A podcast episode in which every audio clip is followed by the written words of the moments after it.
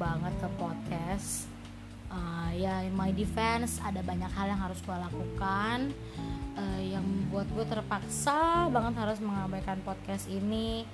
Uh, salah satu gue harus jaga kesehatan gue dan adalah dan pekerjaan baru gue juga cukup lumayan menyita waktu. Dan mungkin juga kalau untuk podcast gue berdua sama Ulfa karena kita sulit menemukan waktu yang pas untuk bareng tapi tenang kita akan berusaha memberikan terbaik kok nantinya. Dan dan kayak hari ini gue balik nih uh, di podcast solo gue. Dan kalau gue udah balik ke podcast solo gue it means that I want to talk about film. Film yang mau gue omongin adalah Gundala. Gila sih gue waktu tahu Gundala bakal di film itu excited gue berlebihan. Ekspektasi gue juga berlebihan.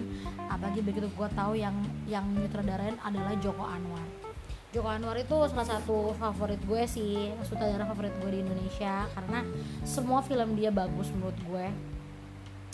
Dia udah bikin film komedi film romantis film horor termasuk ya. Uh, pengabdi setan itu kemarin gila sih siapa sih nggak tahu pengabdi setan? Itu karakter ibu tuh legend banget buat gue ikonik parah sih. Walaupun itu yang dibuat sama Joko Anwar kan remake-nya ya tapi keren banget buat gue jadi begitu gue tahu oh Joko Anwar bakal uh, nyutadarin Gundala excited gue berlebihan dan ekspektasi gue berlebihan juga tentunya gitu. Tapi gue inget kalau nggak salah nih ya kalau gue kalau gue nggak salah tapi kalau gue salah tolong di diralat ya.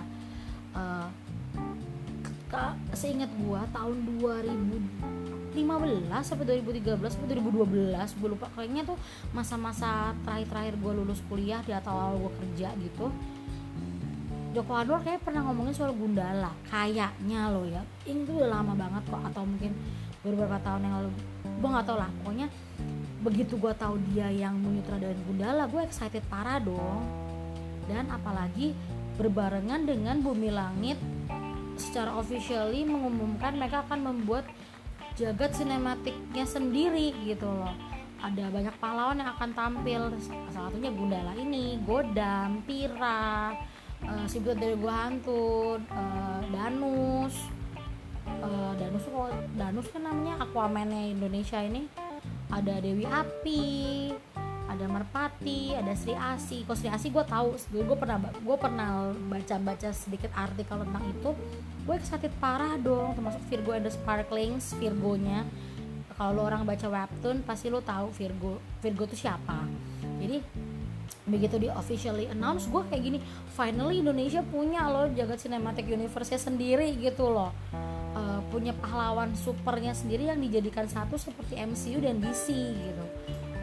Uh, balik lagi ke film Gundala ini uh, film ini akan jadi pembuka dari fase awal uh, jagat sinematik bumi langit. Karena ke depannya nanti akan ada Sri Asih, ada Godam dan Tira uh, dan gue nggak tahu lagi deh Virgo nggak salah yang akan dimainkan oleh Zara JKT48 uh, tahun depan atau dua tahun setelahnya deh gue lupa juga. Uh, sebagai pembuka film ini cukup api buat gue. Dan dia juga memperkenalkan beberapa karakter yang ada supaya kita nggak nggak apa sih nggak awam-awam banget gitu loh ya. Mungkin ide-idenya teknik-tekniknya taktik-taktiknya sama lah kayak MCU dan uh, eh, DCU lah ya uh, jadi ceritanya si Gundala ini adalah nama kecil ada Sancaka. Sancaka ini uh, seorang anak yang mungkin masa kecilnya nggak nggak nggak nggak terlalu bagus lah ya. Ayahnya meninggal karena terbunuh. Uh, tepatnya sih dibunuh sama teman kerjanya ketika mereka tuh dalam usaha untuk menegakkan keadilan. Ibunya juga menghilang entah ke mana awalnya sih bilang mau mencari kehidupan yang layak buat Sancaka tapi satu dua hal di film juga lu tahu alasannya apa ibunya nggak kembali. Ya Sancaka ini tumbuh sendiri dan dia berkenal dengan Awang. Awang inilah Awang ini Godam ya gua kasih spoiler dikit. Awang ini Godam. Awang remaja ini mengajarkan Sancaka bela diri dan ini yang jadi poinnya. Dia bilang sama Sancaka kalau lu mau hidup baik-baik aja lu mau bertahan hidup jangan ngurusin urusan orang itu yang dipegang sama si Sancaka sampai dia besar. Dia jadi security dia jadi security di perusahaan. Nanti di pabrik kayak pabrik percetakan deh. Soalnya ada tulisan Jakarta Post gitu di situ. Jadi security shift malam. Gue shift ya ini kan gue kayak gue gue ngarang deh. Gue shift berapa? Gue kata kayak shift malam. Soalnya kalau pagi itu si Sancaka itu uh, kayak reparasi alat elektronik itulah gitu kan. Ya si pada si di sinilah Sancaka kenal sama Wulan. Wulan ini merpati kalau di uh, komiknya. Dan dia akan jadi love line-nya Sancaka mereka tuh ada satu ada satu kejadian yang akhirnya terpaksa membuat Sancaka mau nggak mau jiwa jiwa menolongnya tuh tumbuh. Dan Sancaka dari kecil Sancaka ini takut sama petir. Dari kecil dia merasa bahwa petir selalu ngejar-ngejar dia. Tapi suatu ketika ketika dia besar ini dia disambar petir dan dia jadi punya kekuatan kekuatan kekuatan nyetrum gitu loh dari listrik itu. Ya jadilah dia Gundala gitu dengan uh, kostumnya yang lu orang bisa lihat di uh, poster. Itu kostum seadanya. Yang akhirnya buat dia dikenal sebagai Gundala si putra petir. Nah uh, yang gue suka dari film ini ada film ini nggak terlalu banyak pakai efek CGI tadinya gue nggak percaya sih jadi gue cari-cari tahu dan benar. Jadi efek yang dipakai ya efek petir itu aja. Kan nggak mungkin mana di sambar petir beneran kan nggak mungkin juga. Jadi uh, untuk mengakalinya mereka lebih ke main teknik ambil gambar sih kayaknya ya. Itu bagus buat gue. Lalu cara mereka uh, mereka memperkenalkan villa ini juga uh, oke okay sih buat gue tekniknya di sini ada dua villain ya. Ada ada si pengkor ada gazul. Tapi sini gazul tuh ada perannya sih. Nanti lu akan lihat. Makanya gue pesen nih kalau lu orang nonton Gundala jangan buru-buru keluar. Karena di ending lo akan tahu siapa tuh Gazul dan apa yang Gazul lakukan. Kayak sih untuk membuka cerita selanjutnya. Ya di sini Pengkor lebih banyak main peran ya untuk uh, cerita ini. Uh, itu bagus banget. Sebelum Palare mainnya bagus banget. Uh, Pengkor tuh punya banyak anak asuh yang keren-keren gitu loh. Jadi musuhnya Gundala. Itu oke okay menurut gue ceritanya juga cukup cukup sederhana uh, intinya. Dan gue rasa sih kalau anak-anak nonton juga bisa nangkep maksudnya apa. Itu yang bagus buat menurut gue. Uh, lalu yang bikin gue merasa heran adalah di cerita ini gini. Waktu Bumi Langit secara official announcing uh, bahwa mereka akan buat serangkaian film untuk fase pertama uh, jagat sinematik Bumi Langit ini ada nama Hana Al Rashid keluar sebagai karakter Camar. Camar itu siapa? Gue cari-cari tahu ke mana-mana. Jadi ketika itu keluar tuh, gue mulai nge-searching-searching tuh masing-masing siapa yang gue tahu. Soalnya gue tahu cuma Sri Asi, Godam sama Gundala sama si Buta dari si Buta dari gue hantu. Cuma sama Danus. Uh, Danus bukan gue jadi lupa sih Aquaman Indonesia namanya siapa. Kalau nggak sih Danus ya. Gue cuma tahu itu aja yang pernah gue denger. Uh, terus juga cari-cari yang lain juga nah si Hana ini katanya akan memainkan karakter Camar. Camar ini tuh ada di era Jawara. Era Jawara ini barengan sama uh, si buta dari gua hantu sama Mandala kalau nggak salah. Tapi kok si Hana ini keluar jadi anaknya pengkor bingungnya gue? Belum ada kejelasan pasti gue udah cari-cari belum ada jawaban pasti. Gue gue bingung aja. Ya gue berharap kalau ada yang denger uh, podcast gue ini terus uh, kalian mau jawaban bisa share share ke gue. Jadi ada hubungan apa antara Camar dengan Cantika ini yang di mana sama Hana? Apakah Hana Al Rashid ini akan mainkan dua karakter berbeda?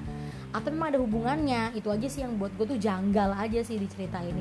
Karena uh, harusnya kalau uh, Bumi Langit sudah official official ngumumin uh, karakter superhero nya berarti kan gak ada perubahan apa pun gitu loh. Kecuali satu dua hal tertentu yang membuat itu berubah gue nggak tahu. Jadi gue penasaran banget gue cari-cari juga belum ada jawabannya.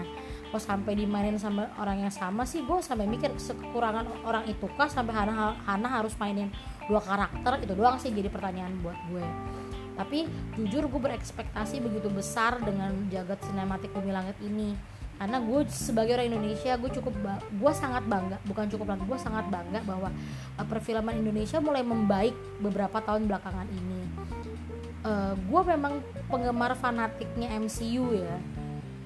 Tapi gue akan sangat bangga kalau Indonesia punya cinematic universe sendiri gitu loh. Dan uh, lewat pahlawan pahlawan-pahlawan ini anak-anak Indonesia juga akan mengenal beberapa kearifan lokal. Karena kayak contoh nih ya di film Gundala ini ya si Gazul itu ada satu adegan Gazul ngomong pakai bahasa Jawa Kawi apa Jawa kromo Jawa yang halus banget yang kuno banget gitu loh. Itu kan uh, anak-anak jadi jadi oh uh, ada bahasa Jawa kunonya ya dan uh, karakter Sri Asih sendiri tuh pakai pakaian yang pakaian Indonesia banget gitu loh. Cantiknya tuh cantik gitu jadi jadi gimana ya? Gue tuh suka aja gitu ngeliatnya gitu loh. Jadi paling enggak anak-anak Indonesia atau anak-anak muda Indonesia punya idola dari negaranya sendiri gitu loh jadi kita nggak apa-apa nggak apa-apa ya dari luar apa apa dari luar. Jadi kita jadi nggak cinta produk dalam negeri gitu loh. Dan kita nggak menghargai hasil hasil karya sinias dalam negeri yang ternyata juga bagus-bagus banget. Jadi sih harapan gue bener-bener akan terrealisasi rangkaian uh, film dari jagat sinematik bumi langit ini. Dan gila guys Indonesia akhirnya punya punya pahlawannya sendiri. Bener kata Bang Joko Anwar uh, negara kita butuh butuh pahlawan cuy. Dan negara kita ini butuh seorang yang patriotik. Ya jadi Gundala itu contohnya gitu. Jadi uh, support terus film-film Indonesia dan good job Bang Anwar Bang Joko Anwar. Bila gue makin ngefans sama lo dan gue berharap film-film ke depannya ini akan ada sutradara-sutradara yang akan mengolahnya dengan baik dan membuat anak-anak Indonesia jadi bangga. Akhirnya kita punya superhero kita sendiri yeay uh, oke okay, gitu aja sih yang mau gue ceritain. Uh, ke depannya uh, gue berharap gue sama Ulfa bisa terus uh, bisa segera memberikan podcast kita berdua. Akan ada banyak hal juga kita ceritakan sama kalian. Uh, please support kita terus. Thank you juga untuk dengerin. Uh, segala sesuatunya. Mungkin ada saran kritik boleh lu sampaikan ke kita. Itu sangat sangat berguna buat kita. Oke okay, see you in the next post. Thank you for your time. Bye bye